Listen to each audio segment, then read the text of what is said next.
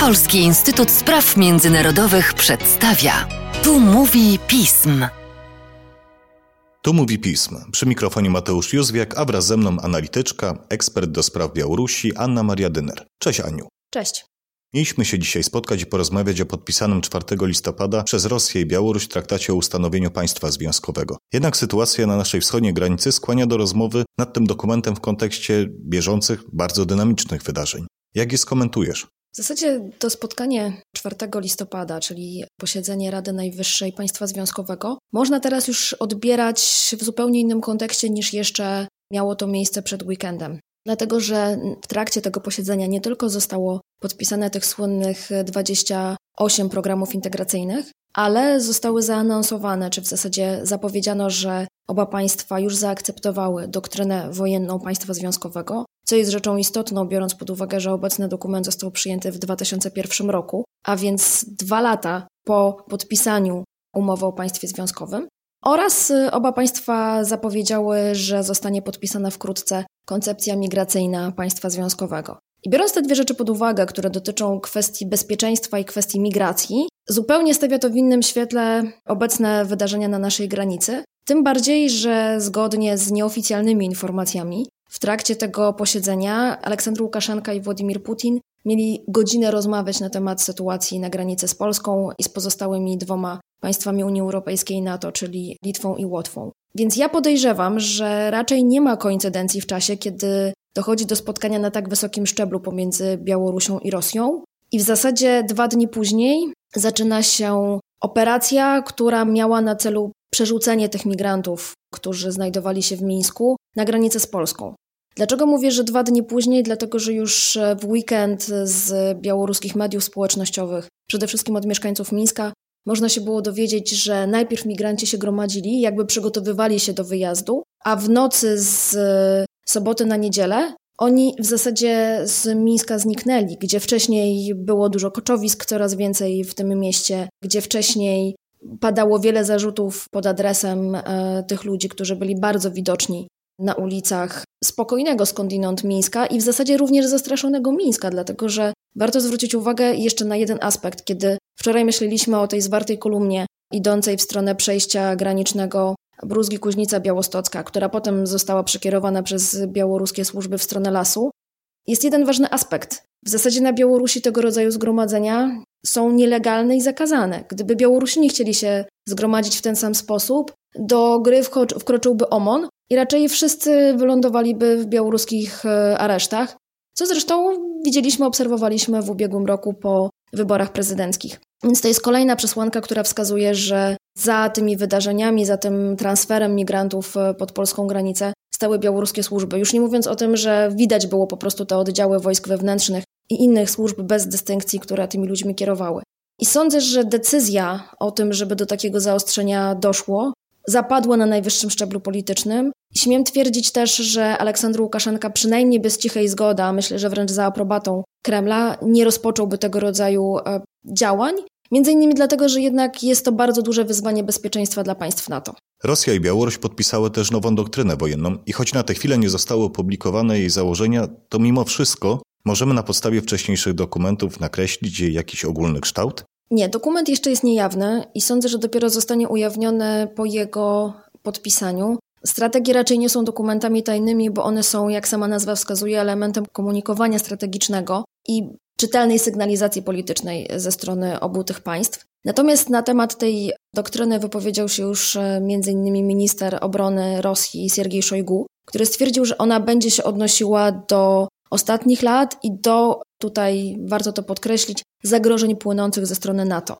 Warto zwrócić uwagę, że na pewną tę zmianę ze strony białoruskich władz i ich retoryki, to znaczy, o ile jeszcze do ubiegłorocznych wyborów prezydenckich Oficjalny przekaz był taki, że NATO nie stanowi zagrożenia dla Białorusi. O tyle ten przekaz się zmienił. I to jest widoczne choćby w wypowiedziach Aleksandra Łukaszenki, który w zasadzie już tuż po wyborach mówił, że to NATO grzechocze gąsienicami czołgów u granic z Białorusią i chce obalać porządek prawny w tym państwie. I myślę, że to dokładnie będzie odzwierciedlone w doktrynie wojennej. NATO zostanie wskazane jako główny przeciwnik, jako główne źródło zagrożeń, o czym już wspomniałam. Będzie też to jakby obligowało oba państwa tworzące państwo związkowe do podejmowania określonych działań. Sądzę, że w tej pewnie niepublicznej części będzie to dotyczyło również działań podejmowanych poniżej progu wojny, z czym w zasadzie mamy do czynienia teraz na naszej granicy. I sądzę, że to też będzie takie przypieczętowanie integracji wojskowej Rosji i Białorusi, a w zasadzie przejmowania wojskowej kontroli nad Białorusią przez Rosję. Dokument rosyjsko-białoruski zakłada również wspólną koncepcję polityki migracyjnej. I nie da się ukryć, że kryzys przy naszej granicy to również kryzys europejski. Jak Twoim zdaniem sytuacja będzie się rozwijać i jakie masz prognozy na najbliższe tygodnie, a może i miesiące? Jeżeli myślimy o obecnym zaostrzeniu, to sądzę, że ono potrwa niestety. Z kilku powodów. Pierwszy, najważniejszy jest taki, że ciągle do Mińska napływają migranci z Bliskiego Wschodu. Ciągle większość lotów odbywa się regularnie, jak choćby samoloty z Damaszku, które lądują bardzo często na lotnisku w Mińsku. Również e, samoloty lecące ze Stambułu. Stambuł stał się takim miastem, nazwijmy to w cudzysłowie przesiadkowym dla tych, którzy obrali ten kierunek białoruski. Więc widać wyraźnie, że jakby potencjał do utrzymywania tego kryzysu ciągle jest bardzo wysoki. I ten potencjał, czy w zasadzie może zostać ten kryzys dalej wykorzystywany przez białoruskie władze w kilku aspektach. Pierwszy, ten bezpieczeństwo, o, który, o którym wspomniałeś, który jest chyba najważniejszy, to jest oczywiście sprawdzenie stanu gotowości do ochrony granicy państw NATO, państw Unii Europejskiej. Dotyczy to zarówno Polski, jak i Litwy, Łotwy, bo warto zwrócić uwagę, że już są e, informacje o tym, że część e, tej grupy migrantów, która znajdowała się jeszcze wczoraj pod polską granicą, została przerzucona pod granicę litewską. Więc to jest jeden aspekt. Drugi aspekt jest taki, że utrzymywanie stałego zagrożenia oznacza konieczność utrzymywania wysokiego potencjału bojowego po stronie, nazwijmy to umownie, ob obrońców, co też ma na celu osłabianie ich morale, ma na celu wywołanie zwykłego zmęczenia. Więc ja podejrzewam, że z tego powodu ten kryzys będzie dalej trwał. I więcej jeszcze, warto też zwrócić uwagę, że jego podtrzymywanie ma na celu również wywoływanie efektów politycznych choćby na Ukrainie dlatego że granica ukraińsko-białoruska jest y, bardzo nieszczelna i przepchnięcie siłowe sporej rzeszy migrantów na Ukrainę może spowodować duże problemy w tym państwie. I nie ma też co się oszukiwać, że część z tych osób nie będzie w cudzysłowie szukała szczęścia i próbowała przekroczyć granicę z Polską na odcinku, który jest potwornie niebezpieczny z punktu widzenia kogoś, kto przekracza ją w niedozwolonym miejscu. Bo to są góry, które rządzą się swoimi prawami i gdzie do najbliższych siedzib ludzkich można zwyczajnie nie zdążyć dojść.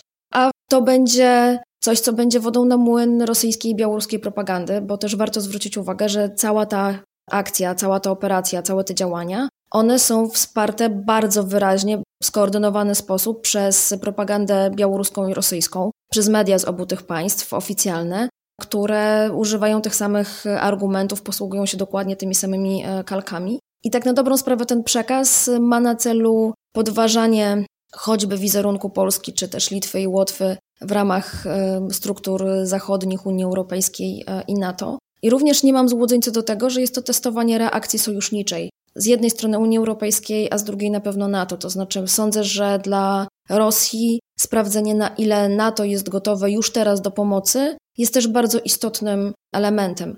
Rozmawialiśmy o ćwiczeniach Zapad y, i tam, pamiętasz, w scenariuszu była kwestia, że duże działania wojskowe zaczynają się od y, niebezpiecznej sytuacji na y, granicy. I sądzę, że być może jest to tak trochę w lustrzanym, nieco krzywym odbiciu, ale też test Rosji. Czy państwa natowskie będą w stanie odpowiedzieć również militarnie, właśnie w sytuacji takiego nie do końca zdefiniowanego zagrożenia, jeszcze hybrydowego, jeszcze poniżej e, progu działań kinetycznych. Więc e, ta sytuacja na pewno będzie generowała jeszcze wiele kłopotów, wiele problemów. Tutaj w ogóle moglibyśmy długo jeszcze rozmawiać na temat e, celów białoruskiego reżimu, które ewaluowały, bo przecież one się zmieniały w czasie, na temat tego, dlaczego cała ta historia się zadziała, i porozmawiać na przykład o sekwencji wydarzeń, które rozpoczęły się w połowie maja, więc na miesiąc przed czwartym pakietem unijnych sankcji. I to by było bardzo interesujące. Mam w takim razie nadzieję, że uda nam się w najbliższym czasie spotkać i przygotować podcast o przyczynach i powodach obecnego stanu rzeczy. Tymczasem dziękuję Ci, Aniu, za dzisiejszy podcast. Bardzo dziękuję. A Państwa zachęcam do śledzenia naszej strony internetowej, czytania najnowszych biuletynów i komentarzy, w tym komentarza Ani na temat związany z dzisiejszym podcastem, bardzo dziękuję i również zachęcam. Także obydwoje polecamy, a mi pozostaje powiedzieć Państwu do usłyszenia.